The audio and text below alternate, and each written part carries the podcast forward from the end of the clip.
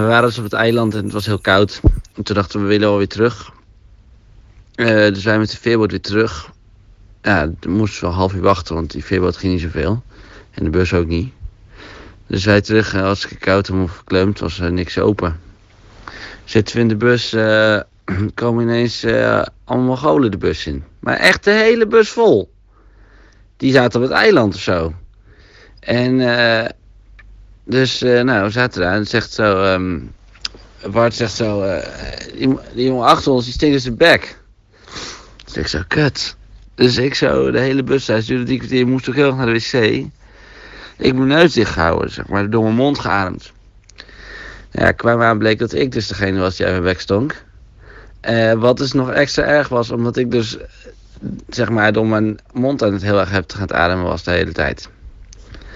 Dus, eh, nou goed, toen gingen we mijn Big Mac eh, eten.